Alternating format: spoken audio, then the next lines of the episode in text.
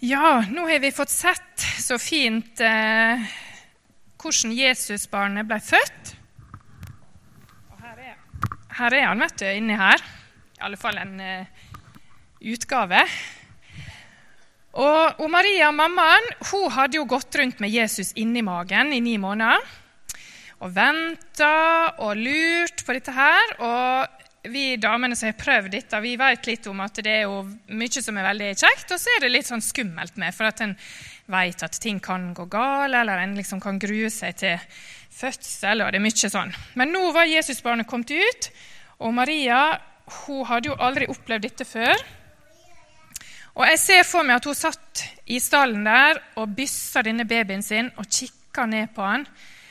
Ned i dette ansiktet som var så åpent og sånn bitte små nyfødte babyer har sånne øyne som det ser ut som de forstår alt.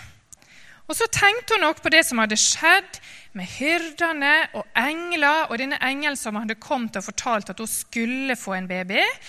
Og heldigvis kom det en engel til han Josef også. Det var jo kjempebra, for det eh, fiksa jo opp i en del trøbbel. Um, og jeg er sikker på de hadde en opplevelse av å bli tatt vare på på reisa til Betlehem. Og så sitter Maria der og tenker er det virkelig sant? Er det Gud sjøl? Er dette Messias? Er det himmelkongen, han som profetene hadde fortalt om for lenge siden skulle komme? Profetene der hadde jo liksom hatt nesten som noen sånne briller som kunne se inn i framtida, og hadde fortalt om at det skal komme en Messias. Det skal komme en sønn fra himmelen, og han skal frelse mennesker. Han skal løse mennesker sine bånd. Og jødene hadde venta i hundrevis av år. Venta og venta. Og nå hadde det skjedd, men i en stall i Betlehem. er kjempemerkelig. Og Jeg er sikker på at hun, Maria hun switcha mellom eh, på en måte å virkelig forstå at dette var Messias, og så litt sånn ja, Men Guri, kan det stemme? Han var jo så liten og så skjør og var helt avhengig av mammaen sin. Og var helt avhengig av varme. Og tenk at Gud sjøl var helt avhengig av mat og drikke, og at noen passa på han. Så skjør var Gud. Han gjorde seg så liten på en måte, som et nyfødt lite barn. Men Maria hun hadde rett. hun. Jesus han var et, et, menneske sånn at han trengte alt dette. Varme og noen som var glad i han. Mat trengte han. Alt det trengte Jesus. Han var et fullt ut menneske, men så var han også Gud. Med alt det som det innebærer. Han hadde bodd i himmelen han i, helt siden evigheten. Han hadde alltid vært der sammen med Gud og Den hellige ånd og englene. og Alt hadde vært liksom kjempefint. Og der var det jo ikke noe synd eller noen som gråt eller noen ting. Så Jesus han hadde det helt topp, han, han var der. Men så kom han likevel til oss for å frelse oss og vise oss veien til himmelen. Og det er ganske utrolig at Gud kledde på seg kjøtt, sier vi i teologien. Han tok på seg en kropp og blei et menneske. Og så tror jeg det er sånn for oss at når vi ser dette, hvis vi får liksom litt øye på dette mysteriet som det faktisk er, at Gud valgte å bli menneske Han flytta fra himmelen og ned på jorda. Sto med beina sine her. Når man reiser til Israel, så kan en faktisk stå på de samme plassene som Jesus gjorde. Gud sjøl. Og når, det, når, vi får litt sånn øye på det, at hva han ofra faktisk for å være her i lag med oss, så får vi i hvert fall noen ganger en sånn trang til å gi noe tilbake til Jesus. Så blir vi litt sånn Oi, det er jo Jesus som har bursdag i dag. Vi feirer jo faktisk Jesus sin bursdag. Eh, er det noe vi kan gi tilbake til Jesus? Hva er det han ønsker seg? Og så viser det seg det når vi blir kjent med Jesus, at det er bare én ting han ønsker seg, faktisk. Og det er oss. Tenk å ønske seg denne her gjengen som går og trasker ned på jordkloden her. Det er ganske utrolig. Men Jesus han ønsker seg oss, og at vi skal få lov å være sammen med han i himmelen. Han ønsker seg mennesker sine hjerter. Han sier det, 'Jeg trenger ingenting annet enn dere.' Det er dere jeg vil ha med meg til himmelen. Og det er jo litt sånn, litt sånn som at Gud ble født her, at det er litt sånn vanskelig å forstå. Hvordan kan vi eh, komme til himmelen? Hvordan kan vi høre Jesus til? Eh, og så er vi prøver jo å finne måter å si det på som gjør at vi kan forstå det litt. Og jeg tenker Én måte å si det på det er at vi blir på en måte invitert til å gi dette hjertet vårt, det som vi har inni oss, det blir vi invitert til å gi til Jesus.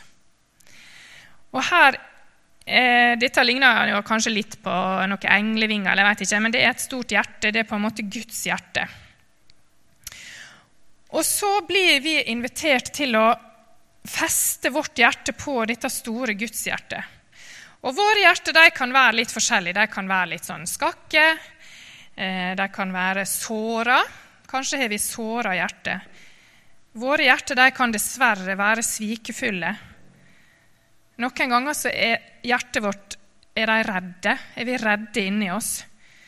Noen ganger så er vi bare glad og trygge. Og kanskje er det som oftest sånn at vi har litt av alt. At vi har en del av alt inni dette, disse menneskehjertene våre. Men uansett så inviteres vi faktisk, og nå skal vi bruke disse hjertene som er her nede. De har jo Iris og Åsne hengt opp. Så her vi sitter mitt hjerte, så inviterer jeg seg til å feste mitt hjerte på Jesus sitt hjerte sånn.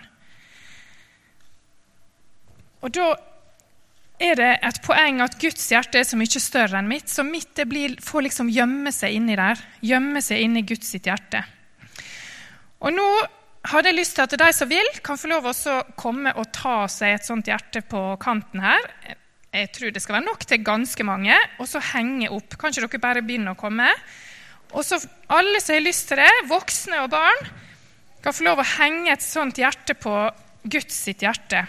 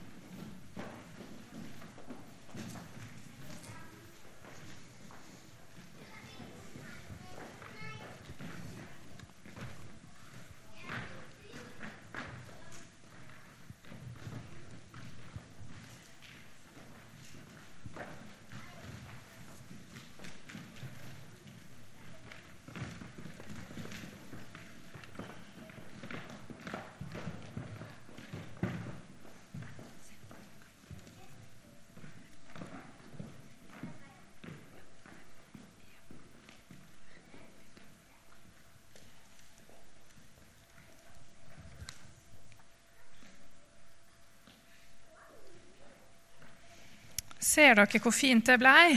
Dere, greier dere å se det? Og Ser dere at det er plass til alle sine hjerter? Det er ikke sånn at det blir fullt. Jeg tror sånn som, jeg tror Guds hjerte er sånn som eh, vi foreldre. vet du, Når vi har fått vårt første barn, så tenker vi at kan, nå, kan det, nå er det ikke plass til noe mer. Da er det liksom helt stappfullt.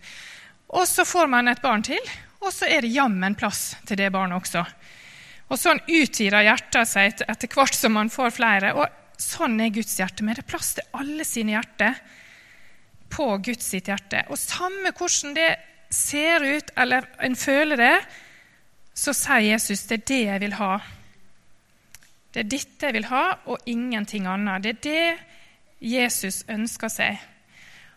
Og For min del så gir det et fundament for dette livet. Et fundament som jeg kan bygge mitt liv på.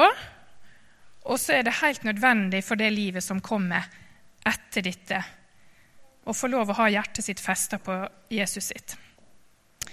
Og da, Til slutt skal jeg bare lese et av disse versene som står i Jesaja om hva disse profetene så der framme om dette barnet som skulle bli født. For et barn er oss født, En sønn er oss gitt. Herreveldet er lagt på hans skulder. Han har fått navnet Underfull rådgiver, Veldig Gud, Evig Far og Fredsfyrste. Det var han som kom. Da skal vi be ei bønn til slutt. Kjære Jesus, tusen takk for at du kom. Takk for at du ble født i Betlehem, i en stall. Takk for at du var villig til det. Og takk for at du har plass til våre hjerter, samme hvordan de ser ut og hva vi tenker på, så skal vi få lov å gi det til deg, Jesus. Takk for at du alltid tar imot oss. Og så har jeg lyst til å be deg nå for julekvelden, både for oss som er her, og for verden over, at det må være en fredfull julekveld for alle, Jesus. Vi ber deg om det. I ditt gode navn. Amen.